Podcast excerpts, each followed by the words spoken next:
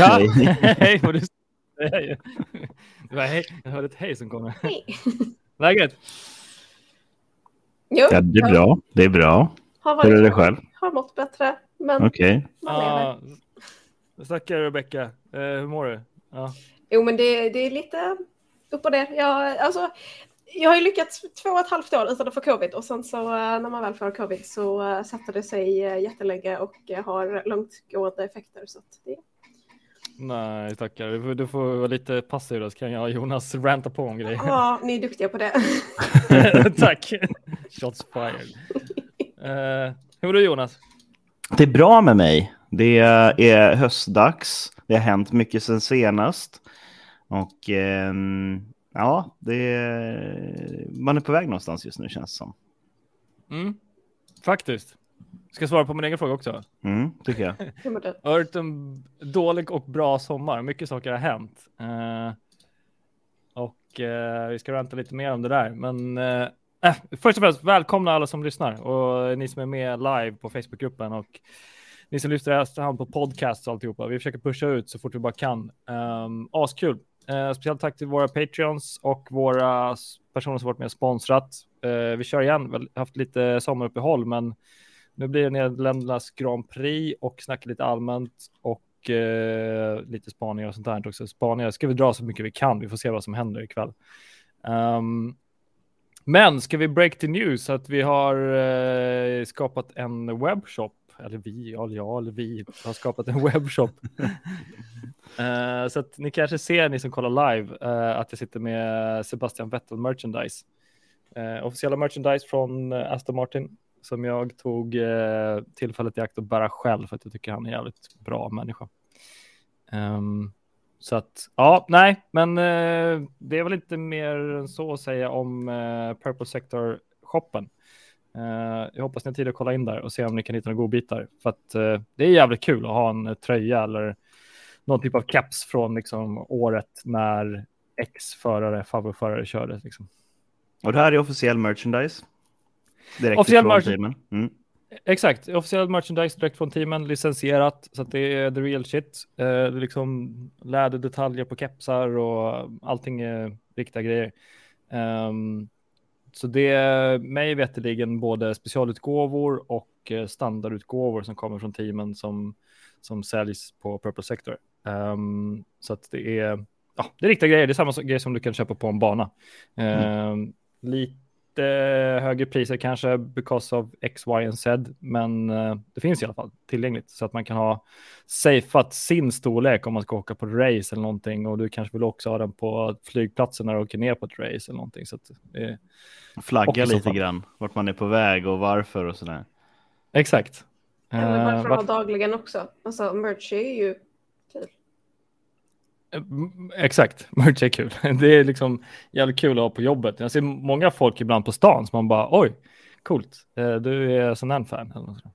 Mm.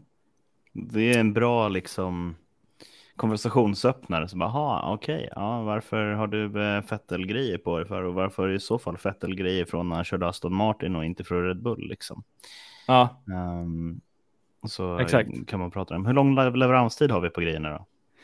Det är lite olika. Eh, jag jobbar både mycket, jag slash vi jobbar med eh, både produktionslaget och sen centrallager eh, som finns i Europa. Och sen har vi vissa saker på lager som är, finns här i Stockholm. Ehm, så till exempel Vättergrejerna finns här i Stockholm, så det kommer gå snabbare. Det kan Mm. ta typ tre, fyra dagar innan man får hem det. Men vissa grejer måste beställas. Eftersom det är en startup fortfarande så kan man inte ha hur stort lager som helst. Ehm, så vissa grejer måste beställas från, från producenten direkt. Mm. Ehm, och då kan det ta längre tid. Uh, försöker ha maxtid på eh, runt fem veckor. Okej, Ehm, Mm. Så att man bör Då får ha man- ganska... då får man planera innan man åker i alla fall. Att bara, Ja, gör det. Ja. Ja, Men det finns och om gott man... om tid på att köpa inför Monza nästa år. Ja, exakt, 2023. Eh, nej, men om det är någonting som bara shit, jag ska iväg om en vecka, har du det hemma, då är det bara mejla och kolla. Mm. Ehm, så att, eh, det kom, ju mer folk det som köper desto större lager kommer det finnas i Stockholm, så det kommer gå snabbare. Hur mycket Ehm. flexibilitet har du med leverantörerna? Kan du prata med någon leverantör och säga att jag har fyra stycken som ska till den här och den här tävlingen. Jag vet att ni förmodligen kommer vara där. Kan ni låsa tre tröjor till den här personen? Det finns nog chans till det. Eh, Mm. Jag har inte fått det bekräftat att det, att det är liksom safeat, men Mm. eh, den leverantören som jag har är en av världens största, så att det finns rörligheter i, Mm, i mm. kommunikationen. Liksom. Så att eh, om det är sådana special requests, bara vi är ett gäng, vi är alla Ferrari-fans, vi hinner inte köpa från dig, vi ska ner om tre dagar, kan ni kolla liksom? Mm. Så är det bara att kasta iväg ett mejl eller pinga mig på Messenger så ska jag kolla. Det skadar inte Bara- fråga i alla fall. När man kan dra lite trådar. Och mm, I regel så um, har väl jag den erfarenheten av att om man är eh, återförsäljare som du är i det här läget så är du en stor kund till de här. Eh, istället för att jag kommer som Jonas och köpa en pikétröja eh, nu och så kanske jag handlar nästa gång om tre år. Så kanske leverantören lägger mig ganska långt ner på listan. Liksom. Mot att en återförsäljare faktiskt kommer och säger du, de här, de här tre grejerna skulle jag vilja ha. Kan ni lösa det för mig den här gången? Liksom. Ja, exakt. Exakt. Ehm, nej, men det finns ju rörlighet i det och ju, ju längre tiden går, desto, desto mer möjligheter kommer vi nog få eh, när det gäller sådana saker. Mm. Ehm, så att eh, det är bara att pinga på, kasta iväg frågor och speciellt om det är saker som ni hittar som som ni kanske eh, som ni kanske inte ser i shoppen, men skulle vara kul att ta in så är det bara att hojta det också. Ehm, så att det finns, det finns lite möjligheter. Spännande. Ja. Ehm, men det är väl typ nog om det. Ehm, Mm. Finns det något annat att nämna om det? Nej, vi, vi får se lite mer vad som händer utöver, utöver det. Ehm, Men den är länkad i Facebookgruppen. Den länkade, länkade Facebookgruppen. Eh, just, det finns ingen automatiskt sätt att sätta en länk liksom rakt upp i Facebookgruppens om, om, om, om, eh, om text skulle man kunna sk- skriva om. Eller liksom, det är kopplat nu till en Facebook-sida som heter Purple Sector F1 Merchandise. Um, Mm. F1 Merch Shop. Så därifrån komma till pagen och sen ska man klicka, sig vidare till uh, hemsidan. Annars är det purplesector.shop. Um, så jag valde en så enkel adress som, som man uh, skulle kunna komma ihåg. Um, men det är liksom det hela stora syftet är också inte att bli störst i Sverige med det här, utan det är att bara kunna ge någonting som är mer närvarande till fansen. Det är ju det. Är ju det. Uh, så att det handlar inte om att göra någon göra någon, kanske fel att säga, det kanske handlar inte om att göra någon karriär på det, men det handlar om att göra det för fansen. Uh, att man bara vill att det ska finnas mer lättillgängligt för racingfans. Liksom. Um, så att det är väl hela stora syftet med så att, så att man har det i bakhuvudet. Allting på samma ställe. Exakt, typ. Mm. Så här. Folk ska kunna konsumera racing. Det är väl huvudsyftet med hela communityt. Superviktigt. Ja, vad heter det, vad heter det, vad heter det? Är det något annat angående det? Vi kan lämna det. Vi kan säkert prata mer om det där, men vi, vi har ju massa race och grejer. Och, och... Men ska vi gå igenom först lite vad ni gjort i sommar? Har ni gjort något specifikt? Eller? Du har raceat Jonas? Ja, jag var iväg i Linköping, fick ett eh, telefonsamtal en eh, fredagkväll, dagen innan du och jag skulle träffas och grilla lite grann och umgås. Ja, trevligt. så um, som vanligt i mitt liv Mm. så händer det saker och ting som man får flytta på kompisarna. Liksom. Eh, nej, men jag fick ett telefonsamtal från min gamla mekaniker eh, Musse ehm, från eh, Wizard Motor, jobbar med eh, optimering av ehm, bilar och tävlingsbilar och sådär. Så att han är runt på väldigt många tävlingar runt om i Sverige och håller på med mappning och um, turboinstallationer och sådana där saker. Han är fantastiskt duktig på det, har gjort det i många år. Och så ringde han till mig och sa att vi har ett långloppsteam nere i, eh, som ska tävla på Linköping här imorgon som är en förare kort. Deras förare blev sjuk, kan du komma ner? Jag sa det att Mm. eh, Ja, jag har bokat upp hela min helg egentligen, men eh, låt mig kolla. Och så, så fick jag ringa runt till, till alla som jag gjort planer med och så, så kom jag tillbaka till Musse efter 20 minuter. Så, ja, men jag kommer. Um, ska köra då en eh, Volkswagen eh, Bubbla från början av 2000-talet, runt 420 hästkrafter i den framhjulsdrivet. Jag har inte kört framhjulsdrivet på tio år, så det var, det var spännande. Um, och Sviesta som vi raceade på har jag sett, så jag har varit där, men jag har aldrig kört banan själv heller. Men det var rätt så kul. De skickade ut mig på träningen på morgonen därefter. Um, provat lite mappningsgrejer. Um, och sen så sa de åt mig kör två snabba varv. Så gick jag ut och körde två snabba varv och så kom jag in i depån uh, igen då efter att vi hade varit i depån en stund. Då sa de bara skitbra Jonas, du kvalar fyra. Kvala? jag trodde vi var ute och tränade. Um, men i alla fall, så det var rätt så roligt då. Uh, så ett sex timmars lopp. Um, där tanken var väl att vi skulle ha en timme var um, i bilen då. Uh, så en timme lämna över till nästa förare, en timme lämna över till nästa förare och så vidare. Um, endurance racing helt enkelt. Och uh, fick starta fyra. Jag lämnade över bilen i ledning med ungefär det var 15 till 18 sekunder där någonstans. Så det, ehm, det gick bra, det gick fort. Um, tyvärr så fick vi bryta på grund av bränslepumpsfel när um, den sista föraren var ute på sitt första pass. Men uh, bilen går fort i alla fall, det kan vi konstatera. Och det finns en hel del saker att jobba på uh, för killarna i gula garaget och jag håller på att hjälpa dem allt vad jag kan uh, med den erfarenheten som jag har. Och det är faktiskt otroligt roligt att vara tillbaka på banan igen. Um, och riktigt kul att se all passion som finns där ute i landet, i synnerhet bland de här två herrarna då som har den här bilen. Mm. Um, så förhoppningsvis blir det mer åka. Uh, vilket betyder att jag är tillbaka på svenska banor, uh, lite grann i alla fall. Det är askul ju. Svinroligt. Det är alltid lite kul att köra racerbil. Man kommer aldrig ifrån det. Mm. Sen um, ska jag köra Svenska e-racingligan, som jag kommenterat tidigare, fast det är ju virtuell bilsport då istället. Um, gjorde mitt första försök till en start här i torsdags, så gick det inte så bra. Gick inte vidare till final då, uh, tyvärr. Men uh, vi får se vad vi kan göra. Uh, Force Esports vann i alla fall, det är viktiga för mig. det är obviously.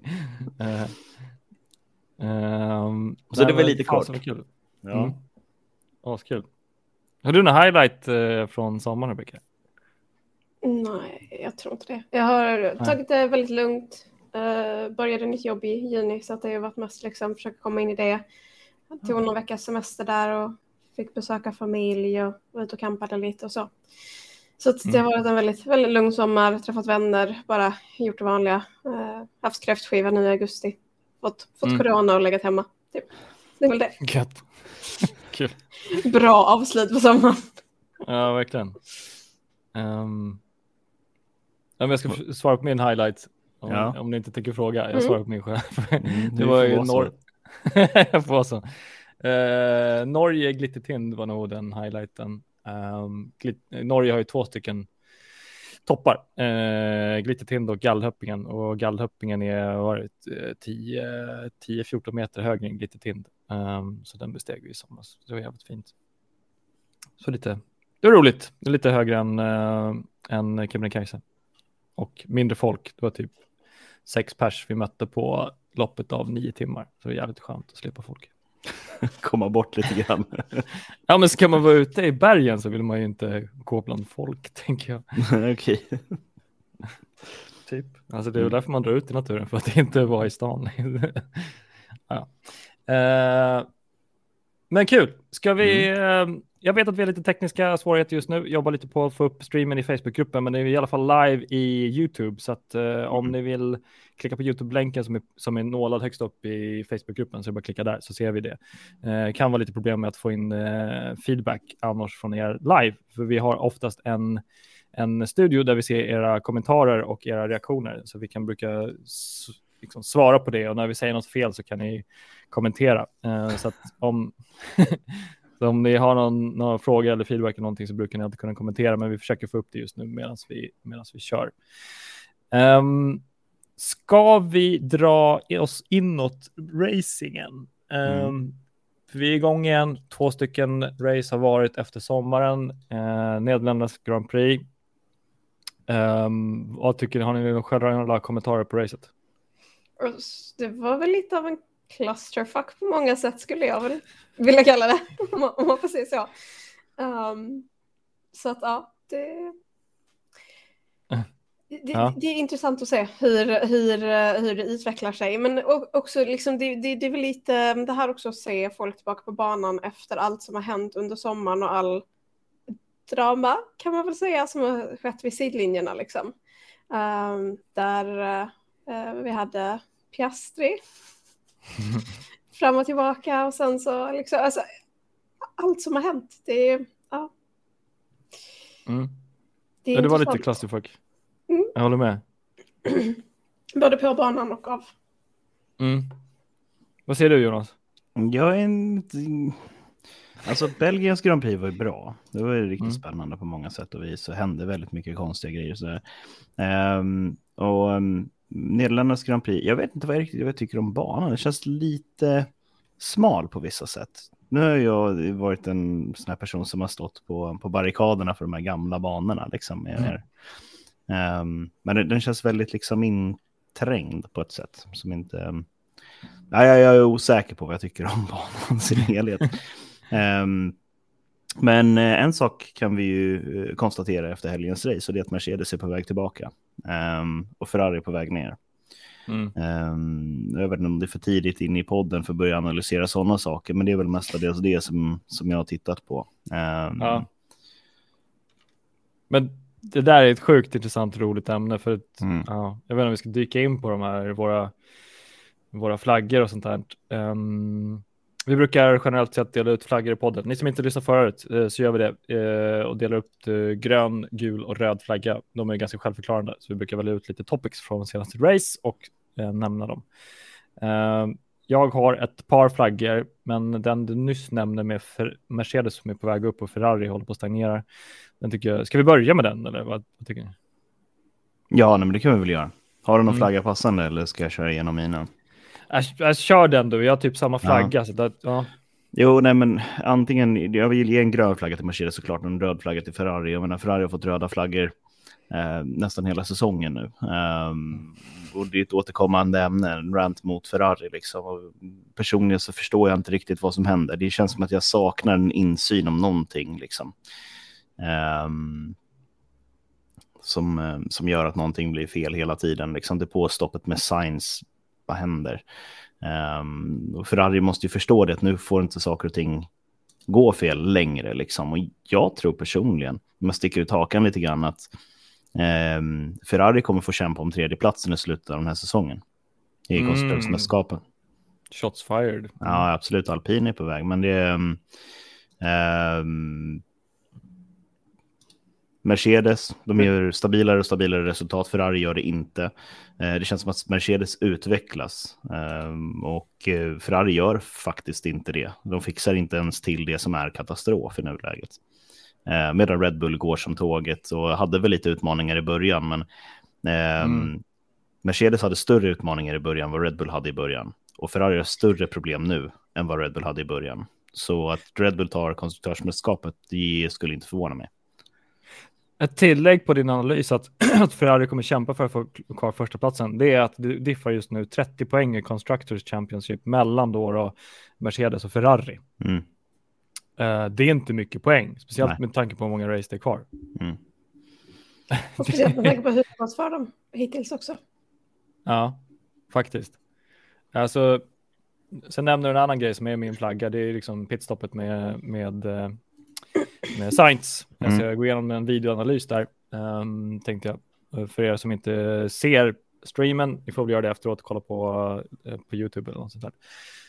Ehm, men jag tycker det är jätteintressant. Alltså den, eh, den här situationen som vi är i just nu, det sa ju faktiskt Mercedes i början på året också, att vi ligger så långt bak och det handlar ju inte bara om att vi ska kunna eh, fortsätta utvecklingen, utan att vi, vi måste öka våran eh, ja, pace eller framfart eller vidareutveckling mycket, mycket högre takt än vad de andra gör. Så att, Mm. att de alla andra team har ju sin utveckling och gör snabbare bilar under året. Japp. Men att Mercedes ökar i kvadrat då, liksom, eller de har en eh, skalan logaritmisk liksom, för eh, Mercedes eh, eh, varvtider.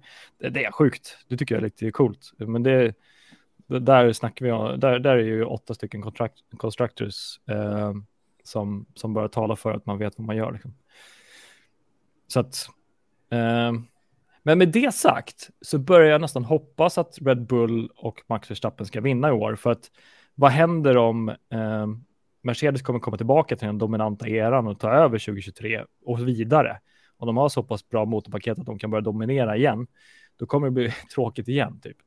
Ehm, så, med, det, så med den aspekten är det så här, fan, låt Max vinna eller hoppas eller slash låt Max vinna i år för att han förtjänar det och Red Bull förtjänar det med den bilen som de har byggt, speciellt med första, första delen av säsongen. Liksom.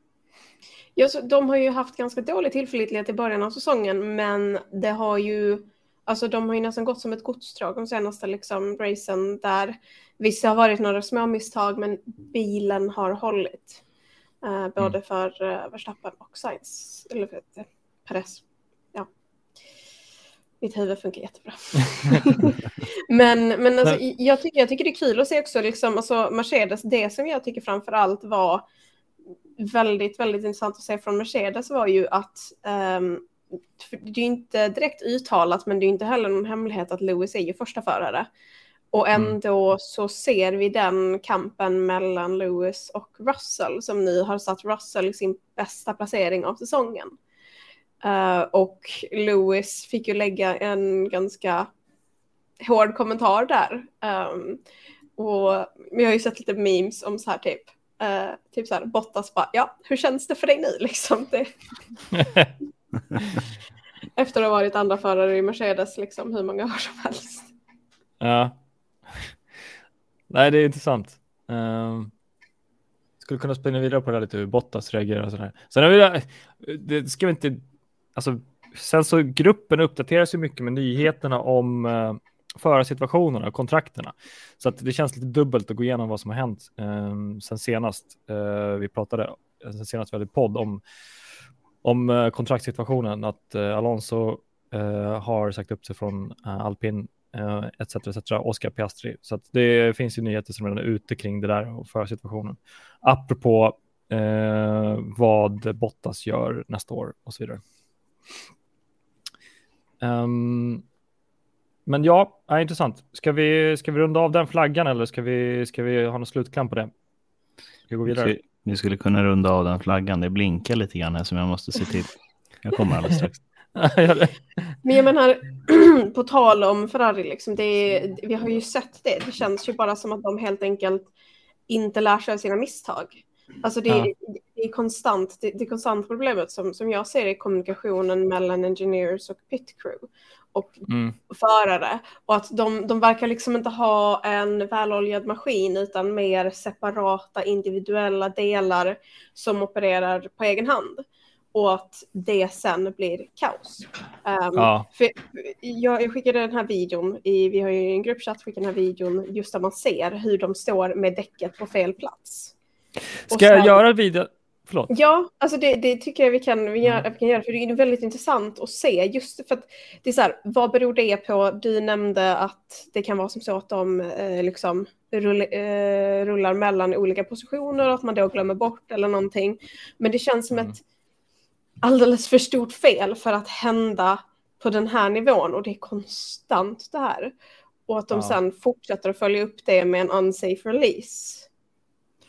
Precis, uh, det är den uh, pistolen som, inte, som de inte kunde hålla i på något sätt. Uh, den hade de ju bara slängt där. Det funkar liksom inte att bara drälla verktyg runt omkring sig på en racerbana. Så gör man inte. Vad är det? Ja, men man ser ju det alltså när, när ett pitcrew inte är aktivt och du har en bil som kommer in på ett team som ligger bakom i, uh, i mm. pitlane så, så, så håller de ju undan verktygen. När du har två bilar som är precis vid varandra som båda är i pit. Alltså, du måste ju fortfarande ha den här världsomfattningen och liksom se runt omkring dig och förstå att liksom, det är inte bara vi som tar in bilen i depå utan det kommer även vara andra lag och det kan vara liksom. Och fram, framförallt som Ferrari, då borde du också ha koll på vad gör Red Bull. Mm. Ja, det, det, är superkonstigt. Ja. Um, det är faktiskt väldigt konstigt. Vi ska se om vi kan få upp uh, min share här. Men um, det, som, det som jag uh, var inne lite på, det var ju liksom den eh, den möjligheten som, som de faktiskt sumpade. För att de har ju hela tiden bara snackat om att ja, vi ska förbättra oss. Vi har Binotto som konstant är ute och bara nej, vi ska, vi ska faktiskt försöka göra saker och hitta alltid liksom olika typer av bortförklaringar till vad det är som gjort att saker går fel. Och det, um, jag börjar se det mer som bortförklaringar. Så, att, eh, jag vet inte, vad, vad tycker ni generellt om Binottos eh, reaktioner? Har ni liksom tittat på dem? Eller? Men det känns ju som att han inte riktigt har koll. Nej. Jag har inte granskat så, jag har inte tittat på någon av liksom, intervjuerna med honom om varför saker och ting blir fel. För att samtidigt så um, kan man ju inte vara helt öppen med varför jag hade ju inte vågat det. Liksom. Att okej, okay, nu, nu har något blivit fel här och jag är ytterst ansvarig för det här. Det är lite grann mm. som när Uppdrag granskning kommer att knacka på dörren när Sky Sports kommer att köra upp en sån här i ansiktet på en mikrofonen. Liksom. Ja, men varför blir det så här helg efter helg? Det blir aldrig bra. Liksom. Nej, men nu kommer något, nu så står han där på pitbull och så, så vänder han sig om och tittar under depåstoppet och bara, nej, skets det igen. Och så kommer Sky Sports komma hit om 30 minuter och kommer jaga mig. Liksom. Uh. det, det är så det blir när du vecka, vecka in och vecka ut liksom, ja. äh, sätter i de situationerna. Och jag menar, hade det här varit eh, Alfa Romeo mm. så um, hade man inte lagt samma fokus på det. Men nu är det ett team som har vunnit race och eh, från början var en titelfavorit. De har vunnit mest constructors av alla constructors. Än så länge. Ja, det har inte hänt ett tag nu. nej. nej, precis. Alltså, men samtidigt, du har ju den här historiken mm. att, att, att, liksom, att ära. Och det blir ju lite som nästan för Williams, när där Williams har varit ett fantastiskt bra lag, vunnit och liksom varit, hur ska man säga, ärat på banan och nu är inte ens liksom, då är, alltså att ens få poäng är liksom mm. fantastiskt för deras del. Och det känns lite som att det är den trenden vi går mot. Mm. Mm. Nu tror jag vi fått upp eh, bilden på, mm. eh, på videon va? Eh, jag eh, testar lite här och gör en analys på det. För att här har vi personen kommer in i, i pitlane. Ehm, det som jag ser är att vi kör en liten video. Bomb, här stoppar vi. Tittar ni, jag vet inte om ni ser min muspekare? Jo, det gör ni va? Jo då. Ja, bra. Där uppe finns det två personer med eh, däck. Mm. Det är den personen till höger som är på fel placering. Uh, Jämför med Red Bulls uppställning, för de ser också ganska reda ut där nere. Mm. Backa lite bara, jag ska se mm. kan få första, första bilden på det här precis innan. Där har du precis. Här uppe, om vi tittar på Ferrari då, vi kan absolut jämföra med dem, men vi börjar kolla Ferrari. Mm. Uppe här till vänster har vi två personer, på höger fram. Mm en av personerna står precis eh, i höger, höger fram vid den här pedestalen som håller i alla tryckluftspneumatik, den främre pedestalen.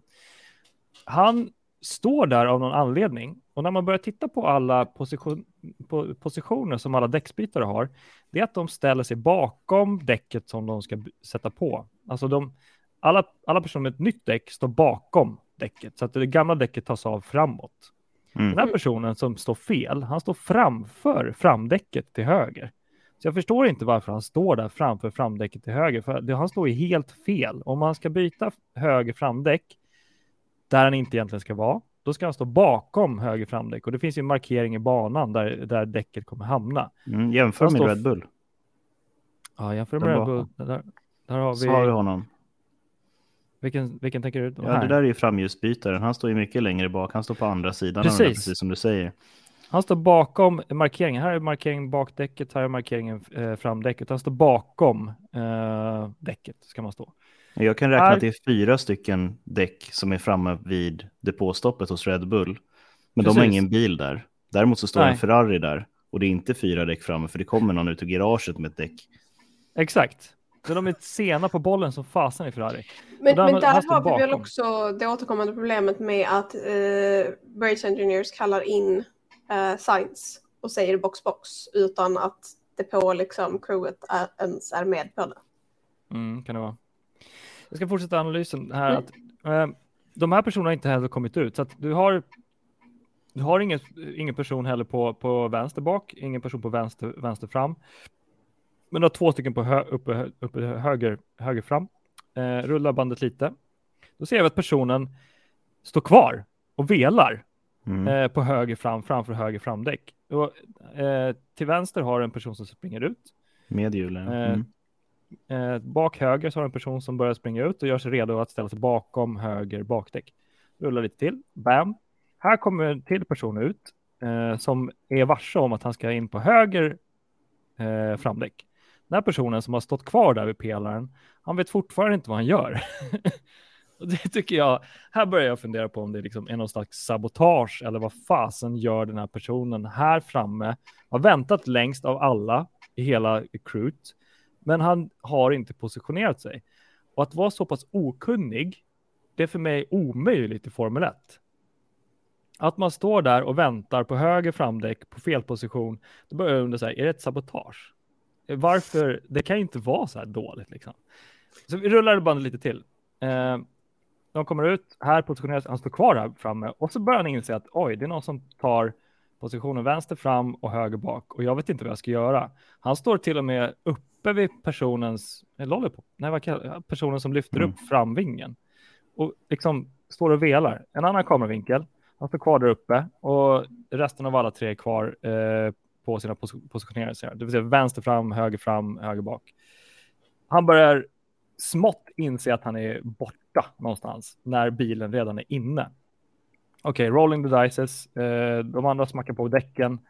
Eh, han, han sätter ner däcket där framme. Han är fortfarande kvar där framme. Vet inte vart han ska gå. Han, han, försöker gå bakom personen som tar av höger fram också. Ja, så att han och kommer, kommer inte, inte runt och måste gå runt pelaren. Precis, så han står här någonstans och håller på att vifta in sig bakom pelaren för det är massa folk vid däcken så han kan inte springa mm. över dem. Uh, next view, här kommer han fram. Och det som jag har lagt märke till nu, jag börjar misstänka att någonting är riktigt skumt. Ser ni att den här personen har en lila lapp vid sitt bröst? Mm. Jag vill veta vad den, den betyder, för backar i bandet och tittar på pit crew. Uh, så är det ingen annan som har en sån? Så är det ingen annan som har en sån lapp. Så vi tittar på pit crew igen, här i närheten. Här på bröstet finns det ingen sån lapp. Mm. Här på bröstet finns det ingen sån lapp. Uh, här på bröstet finns det ingen sån lapp. Uh, här på bröstet finns det ingen sån lapp. Uh, de är helt blanka allihopa. Du ser det. Det står väl praktikant eller något på den. Här. Den här personen är ju alltså inhyrd eller inhoppare eller helt ny. och han vet inte vilket däck han ska sätta på. Han tror att han ska sätta på höger fram. Uh, så det är någonting som är som den här lappen där det står på. Jag uh, textade en F1-journalist och frågade lite kort om han uh, vet vad den här betyder. Men är det en lapp som verkligen sitter på kläderna och inte på ett nyckelband som man har runt omkring det? För... Jag sitter på ett nyckelband enligt, mm. enligt mina utsagor och jag tror att ingen annan har ett nyckelband här. Så jag funderar på om den här personen är liksom en, en gäst i teamet. du, du ser att den sitter liksom där och han bara oj, dra på det och så åker de vidare. Så det är min videoanalys. Eh, orsaken till eh, vad jag tror har hänt i den här pitstoppen. Um, ja, så att ja, det blir inte mer intressant ändå. En sak som jag ehm. tycker är väldigt, väldigt fascinerande dock, som jag faktiskt inte sett innan, är att eh, den snubben som har vänster framdäck springer framför bilen medan bilen kör in. För han mm. står liksom och velar och sen så kör han istället för att gå runt bakom personen som har den här upplyfta grejen för, för framdelen av bilen. Så springer han in mellan den här snubben och mm. bilen som ska in och lyfta bilen. Och det är också man så här, det hade kunnat sluta så jäkla illa. Ja. Jag för med, ja. Hans fötter kommer inte vinna fighten mot en F1-bil. Nej. Nej, men jämför det mot Red Bull som sitter och är redo redan med allting. Ja. Som mm. F1-reglementet tillåter. Du behöver inte göra ett Nascar pitstop när du måste stå och vänta på att bilen faktiskt kommer in och sen ska du springa ut med alla grejerna. Det är ingen annan Nej, som gör så, så varför ska ni hålla på sådär? Nej, men det, och det är det jag menar, det, det är kommunikationen i Ferrari som felar eh, på en sån ofantlig nivå att det inte ens, alltså det, det känns orimligt uh, att de faktiskt ändå ligger så pass bra till i Constructors Championship som de gör med tanke på hur, o, alltså de verkar ju typ oerfarna på något sätt. Alltså det, det ja, ja, det är absurt. Det är, det är jättekonstigt. Uh, och sen också liksom och, att inte ha koll på pistolerna så att de blir överkörda och förstörda. Mm. Alltså jag skrattade ganska gott när man såg det här videoklippet av de håller på att försöka patcha ihop det och försöker liksom. Och man bara, den är överkörd av en F1-bil, den kommer inte överleva. Ja. Nu får vi lite inside information just nu och den här, mm. uh, den här lila patchen som han har i på sin, uh, på sin bröst betyder grid access. Så de andra har inte det? Kan vara, så att, eh, kan vara så att eh, han behöver visa den för att eh, de som jobbar på plats som åker från tävling till tävling inte känner igen den här personen. Mm. Exakt. Um, Med andra ord. Alla har pass. Alla har pass. Men mm. under de åren som jag håller på med motorsport så är det väldigt få som blir tvungna att visa passet. Mm. Och det är oftast de som är nya på, um, på arenan. Då. Mm. Um, det är nästan enklare. Ibland så är det så här, om när du inte har din lapp på dig och någon kommer att stoppa dig säger, hör du, vart har du ditt pass någonstans? Så säger man, prata med den här personen och så går de och hämtar den personen för att jag glömde ha med passet och då klarar man sig vidare liksom. Mm. Um, men det kan du bara göra om du är igenkänd i depån. Ja, um, eller om man är Lando Norris så hoppar man bara över, över mm. Att ha overall på sig är också ett annat knep som oftast fungerar. Kanske inte i Formel 1, men... Meck-overall, typ? Nej, Eller race overall. racing overall. Den har en hjälm under handen, då är det ingen som ställer frågor. det är sant. Det är kul. Men som sagt, uh, inte F1 paddocken. Den är nog lite mer um, ja. polerad. Vad heter det? Um, nice. Min Känner vi oss klara med Ferrari? Mm. Ja, jag tror det var. Uh, ja. Ska vi hoppa vidare? Har ni någonting? Ja, jag vet inte. Ja, alltså jag kan ju köra min andra röda som jag har som är, eh, vi har ju återkommande sett att eh, de här eh, bengalerna eller de heter, de här rökbomberna mm. inte är tillåtna. Och alltså jag har sett så många memes som så här, vet, man ser den här notesen så bara Well, too bad for you, I can't read. Och så typ är det så här Max-fans liksom. Um, och vi såg ju det nu. Nu fördelen var i alla fall att de väntade tills efter racet var avgjort. Men det, det alltså återkommande, liksom, vi hade ju när det var i Österrike att det var liksom Alltså det var ju liksom rök över hela banan, det gick knappt att köra och det är liksom, det är bara så respektlöst. Mm. Och det är jättetråkigt att se och det är inte, det är inte den typen av beteende som vi, som jag som Max-fan vill se. För jag känner inte att jag kan relatera till den här typen av fans, för det, för mig känns som fotbollshuliganism, liksom den mentaliteten. Och det, det är jättetråkigt. Um, så jag tycker liksom definitivt 100% röd flagga där och alltså man känner ju att Max kanske borde säga någonting men han vill ju ja, inte det... göra folk upprörda. Ja. Framförallt, det är, det är hans hemmarace men, men ändå. Ja, jag tänker faktiskt hoppa in och försvara Max fans här. Look at me. What's going on? Oj, oj, oj. För, nej men, jag älskar ju sportstämning. Jag vet ju också att uh, det har glidit över många holländska fans från fotbollsfans och glidit in och kollat på Formel 1 nu för att de har mm. inte så mycket fotboll faktiskt just nu i Holland som är, som är på vinnar, vinnarnivå. Med det sagt så uh, har jag varit tre gånger i mitt liv på Monza, Formel 1. Och där eh, finns det också rökbomber. Eh, som, men de tänds mig veterligen efter racet. Mm. Eh, så att, traditionellt sett så har det alltid funnits rök, eh, rökbomber. Men så jag kan, jag, kan, jag kan försvara generellt sett rökbomber, men att bara att de används i rätt tillfälle. För de har alltid tänts när alla springer ut på, på banan efteråt. Det är en tradition, mm. liksom, att liksom, hoppa, på, hoppa på banan och tända bomber. Men det är som du säger, då borde ju holländska fansen lära sig att göra det i rätt tillfälle eh, och inte dra av dem liksom i början på ett kval eller i början på ett race eller någonting. Bara så här. Det...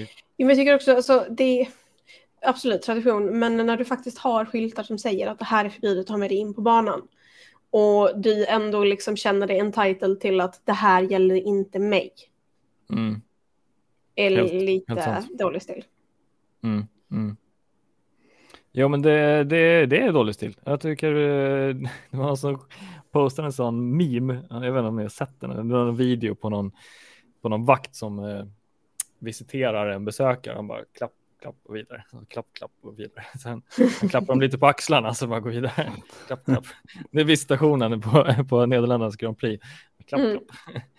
Eh, så att, jag tror det är det som har hänt också, att de bara inte har visiterat. Kolla på ordentligt. Nej, men precis. Det, det känns ju som att de, de, har, ju, de har fått in dem på något sätt. Så att, Mm. Jag ja. tror inte att man har behövt det på samma sätt tidigare. Och pratar vi nu om att okej, men de här människorna som en stor del av Max-fansen som kommer ifrån liksom eh, fotbollsarenorna från början där man har visiterat ganska stenhårt de senaste 20 åren i alla fall. Eh, då vet man, kan man få in bengaliska eldar där, vilket man fortfarande gör, eh, så kan man få in dem på en F1-arena. Den är så mycket större, det finns så många mer ställen, liksom du kan kasta någonting över ett staket eller vad som helst, eller det Mm. är så mycket bilar som åker in och ut. Liksom. Det är... ehm, för ett par år sedan, vi pratade kanske ganska många år sedan, så stod det så här, var vänlig, ta inte med dig dina automatvapen in i läktarområdet på vissa Nascar-tävlingar. Ehm, läktarområdet alltså, campingen var okej. Ehm, och ehm, med det perspektivet så känns det ju liksom bengaliska eldar rätt så, Ja. rätt så okej. Men sen handlar det ju om att man ska ju veta vad man tar med sig in och vilk, av vilken anledning liksom.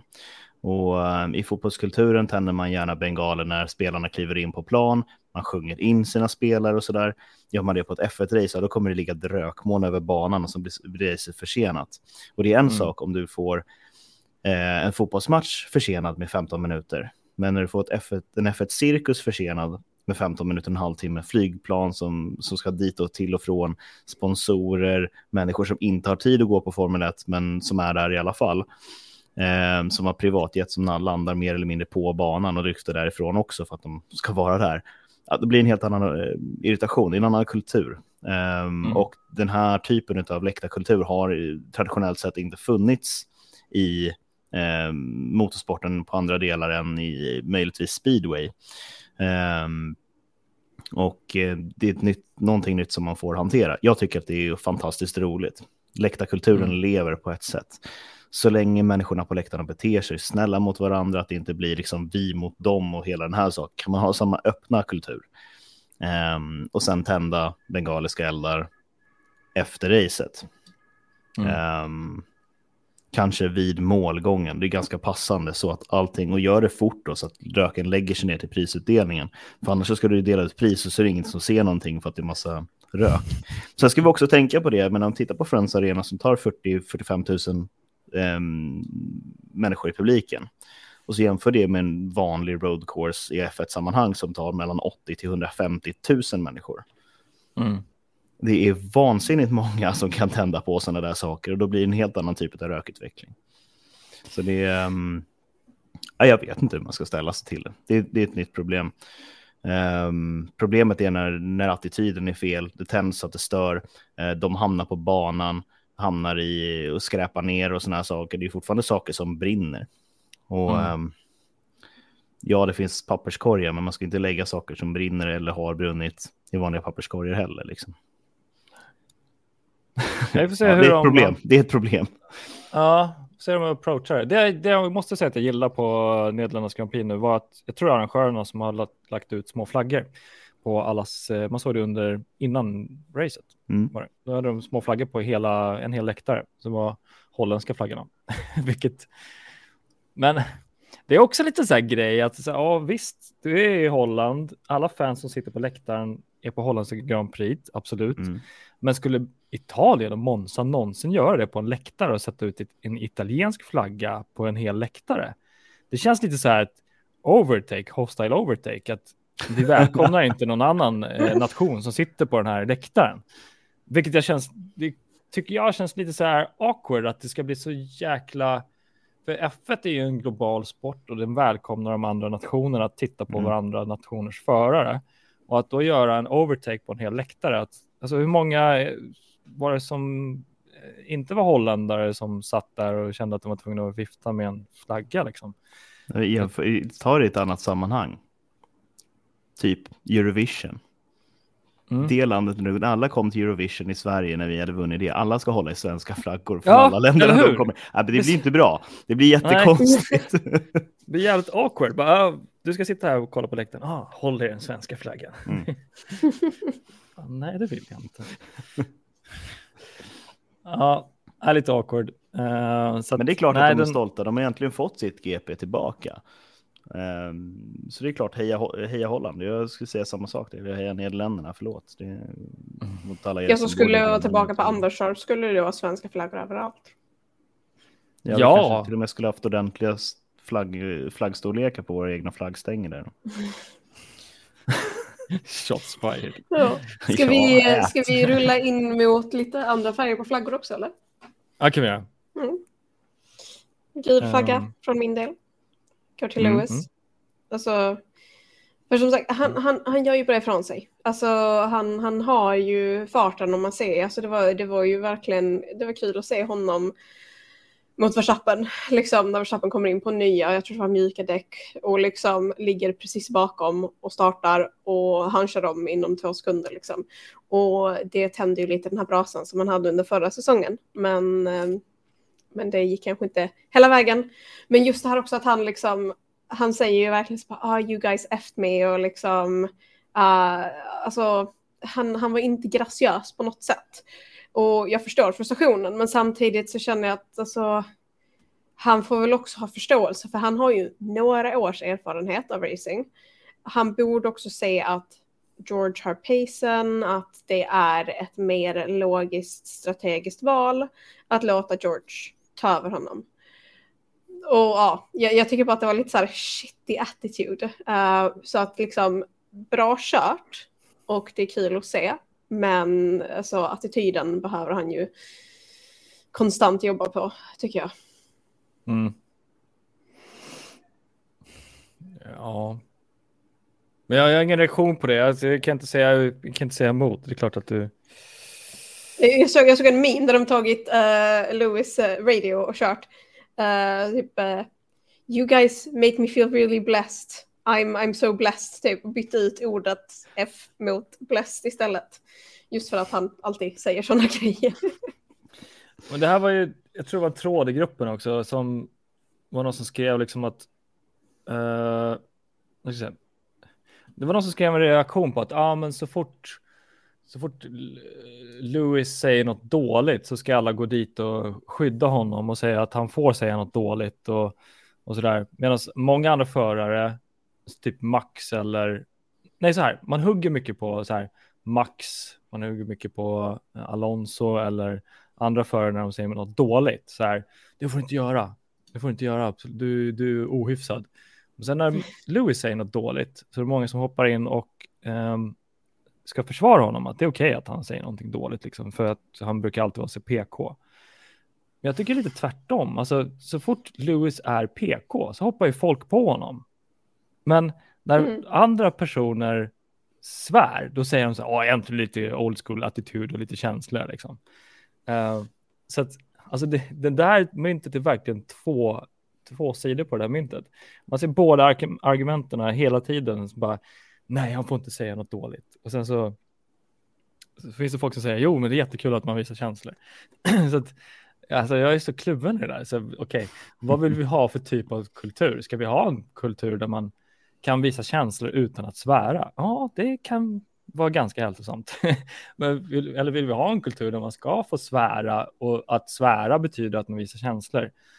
Det är inte helt liksom sammankopplat. Det finns ju parallella saker. Liksom. Du kan ju få svära och kan ju visa känslor på olika sätt. Liksom. Ja, alltså, men jag tror att det finns också, jag, jag, jag, tror att själva gränsdragningen där, för mig i alla fall personligen sett, är ju liksom om det är välgrundat eller inte.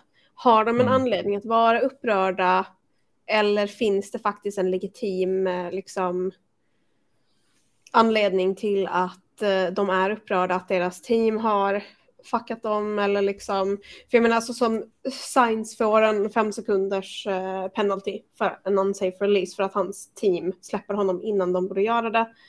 Mm det, är liksom, det, det, det, tycker jag genuint att det kan man vara upprörd över. Men att liksom teamet släpper förbi en annan förare som har bättre pace, bättre däck, eh, alltså som har möjligheterna att faktiskt ta podium. Eh, mm. Och låta deras andra förare bli overtaken av andra förare. Alltså, det är en del av sporten. Mm. hade Lewis vunnit de första fyra racen den här säsongen, då hade han inte fått det radiomeddelandet och då hade han löst det problemet själv. Precis. Mercedes måste göra precis allt de kan för att kunna rädda det här mästerskapet efter den inledningen som de har haft. Russell gjorde ett bra jobb med att plocka poäng, Lewis gjorde inte det. Nej, Det ja, det är helt sant. Ja, sanningen Jag tycker- tyvärr. Ja, jag tycker faktiskt Lewis har rätt att svära på sitt team i det där läget för att de. Men jag tror också teamet faktiskt gick på en, på en vinst. Om jag har rätt så satte de på soft, så de borde sagt på, satt på mediums, right? Eh, och de satte på soft och de fick inte upp värmen i de, den soften och därför tappade Lewis positioner. Eh, jag tycker teamet faktiskt gjorde rätt, för de hade kalkylerat på att soft skulle göra att Lewis kunde fightas mot eh, vinsten mot Max. Och det är klart som fasen man går på vinst istället för second, second, eh, second Mm. place.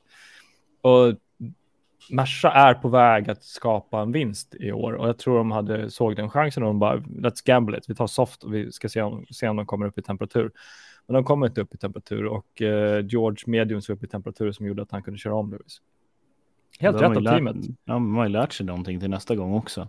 Att okej, Ja. det, är, det är knepigt att få upp temperaturen i de här däcken och eh, det är bara att gå ut och skrapa asfalten, ta asfaltsprover och liksom kolla, kolla barometern och se okej, det här läget, inte soft, det går Mm. inte. Ehm, Innan vi försvinner för djupt i Merca-analysen så fick vi en fråga från eh, en, en live-tittare, vår älskare Stammis. Eh, Vi hoppar lite tillbaka till förra ämnet tror jag. Har vi några publikincidenter slash skandaler? Nej, har vi några publikincidenter slash skandaler uppstått tidigare, bortsett från Jimmy Jump-figurer? Det kanske mest åt dig Jonas, för att vi pratade om Jimmy Jump-figurer eller eh, Nascar. Kan... mm, Jimmy Jump-figurer känner jag inte till. Okej.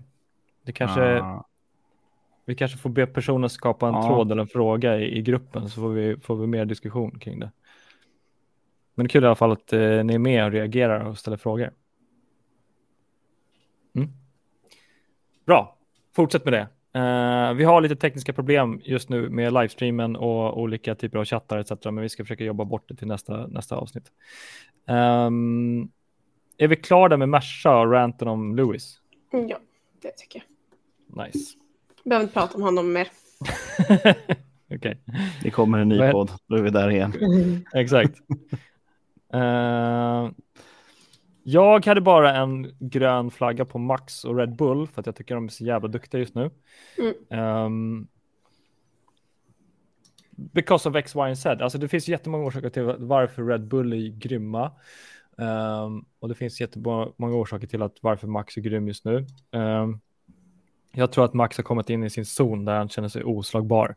Han behöver inte ens säga det, man ser det på honom på intervjuer, att han är verkligen oslagbar. Han är inne, han är både i ett momentum där bilen är perfekt och hans självförtroende är perfekt. För att, ja, ni fattar, 100 poäng eh, före nummer två. Det är liksom, det, han kommer vinna i år igen och det tycker jag är kul, för han förtjänar det. Det ser bättre ut i år än vad det gjorde förra året för den här tiden. Ja. Ja, men han, har- han, har, han har mer, mer för, försprång till, liksom, till resten av fältet. Mm. Och han går ju från klarhet till klarhet. Eh, det, har ju varit, det var ju lite, alltså jag tycker ändå det var lite spännande under racet just med alla gulflaggor och så. För jag tror att de gul, gulflaggorna som skedde spelade honom ganska mycket i händerna. eh, jämfört med liksom hur Merca faktiskt låg till. För de såg ju ut att faktiskt vara på väg mot en one-stop One, one pit stop strategy liksom. Men sen Mm. så blev det gula flaggor och man ändrade om i strategierna och eh, det var så det, det gjorde ju att det blev lite spännande där. Man var lite osäker. Man bara kommer Merca faktiskt kunna ta hem det här och kommer Lewis få? För att jag tror att han har inte haft en enda säsong inom F1 utan en win. Ehm, från vad jag kan minnas i alla Mm. fall. Så att Mm. frågan är, kommer vi få se det denna säsongen eller ehm, kommer han lyckas? Det, det är en bra fråga. Sätta, sätta upp något bett liksom. Kommer han lyckas eller kommer han inte lyckas med en win? Liksom? Men är- så jag, tycker liksom, för jag tycker som sagt Red Bull håller ganska, ganska bra på det. Ehm, och ja, och Max, Max alltså han kör ju bara fantastiskt liksom. Ehm, Mm. Och jag vet inte om det är för att han körde sitt hemmarace så att det liksom gör att han faktiskt pushar hårdare eller vad det är. Men jag menar, vi började ju säsongen med att prata mycket, mycket, mycket om Red Bulls tillförlitlighet Och nu känns det som att de har hittat den, de har hittat det här liksom receptet, det perfekta receptet för, för en vinst. Um, Mm. Och det, det är kul att se och det är, jag hoppas att det fortsätter och att det liksom blir lite fighter ändå liksom. Verkligen. Ja, men det, är, det är där Red Bull är som inte de andra är i. Mercedes är inte riktigt där, de börjar närma sig. Ferrari är absolut inte där. Nej. Så Ja, det, det, är, det är den fuck-upen som kanske gör att de tar det. Mm. Vi, eh, vi börjar, we're on a time schedule. Vi har eh, upp, eh, vad heter det? uppbokade människor har mycket att göra. Eh, vi ska börja runda av snart, då, snart åt vad som händer snart. För vi tror vi inte har så jättemycket tid med eh, fler flaggor. Right, Mm. eller? Nej. Jag har inga kvar. Last opinion. Nej, inte Jag jag bara nämna Mr Consistency, Russell, min gröna flagga. Ja, ja. Helt fantastiskt. Bästa placeringen den här säsongen. Superglad. Ja, han är grym. Han är Mm. grym på riktigt. Ehm, jag tror vi ska titta lite på nästa vecka. Vi har en triple now. Alltså nästa är är Monza. Right. Vi hade ju först, det är tredje, tredje helgen på raken. Vi kör race. Så att eh, Mm. Monza, en klassiken. By the way, eh, jag kastar ut ett event eh, till 2023 Monza. Så att om eh, folk är taggade på att åka på ett race så skulle det vara kul om vi fyllde en läktare 2023. Men Monza blir i alla fall nästa race nästa vecka om eh, typ sex dagar. Eh, det ska bli askul att se klassiken The Temple of Speed. Och ja, det finns inte så mycket att säga om Monza, det är en klassiker. Det är alla, alla bör se ett Formel 1-race på Monza tycker jag. Ehm, sen så kan vi spekulera i oändlighet hur det kommer gå med Merca, Red Bull och Ferrari om det finns några mer roliga fuck-ups. Där. Eller hur det går för Piastri. Ja, faktiskt. Hoppas på Mm. lite nyheter i veckan. Mm. Det ska bli askul. Hörni, ska vi nöja oss? Tycker jag. Ja. Gött! Tack till alla som tittat live, tack till alla som lyssnar efterhand på podden, tack till alla sponsorer, till de som också har varit med och sponsrat med laptops och mikrofoner etc. etc. etc. Patreons och alla som är med i Facebookgruppen och hänger. Och speciellt Rebecka och Jonas. Askul att vi kör igen i höst. Tack så mycket själv Martin. Yes. Det är alltid lika kul att göra det här. Alltid så Askul. kul. Ha det fint. Vi ses och hörs. Ha det fint. Hej då. Hej då. Hej.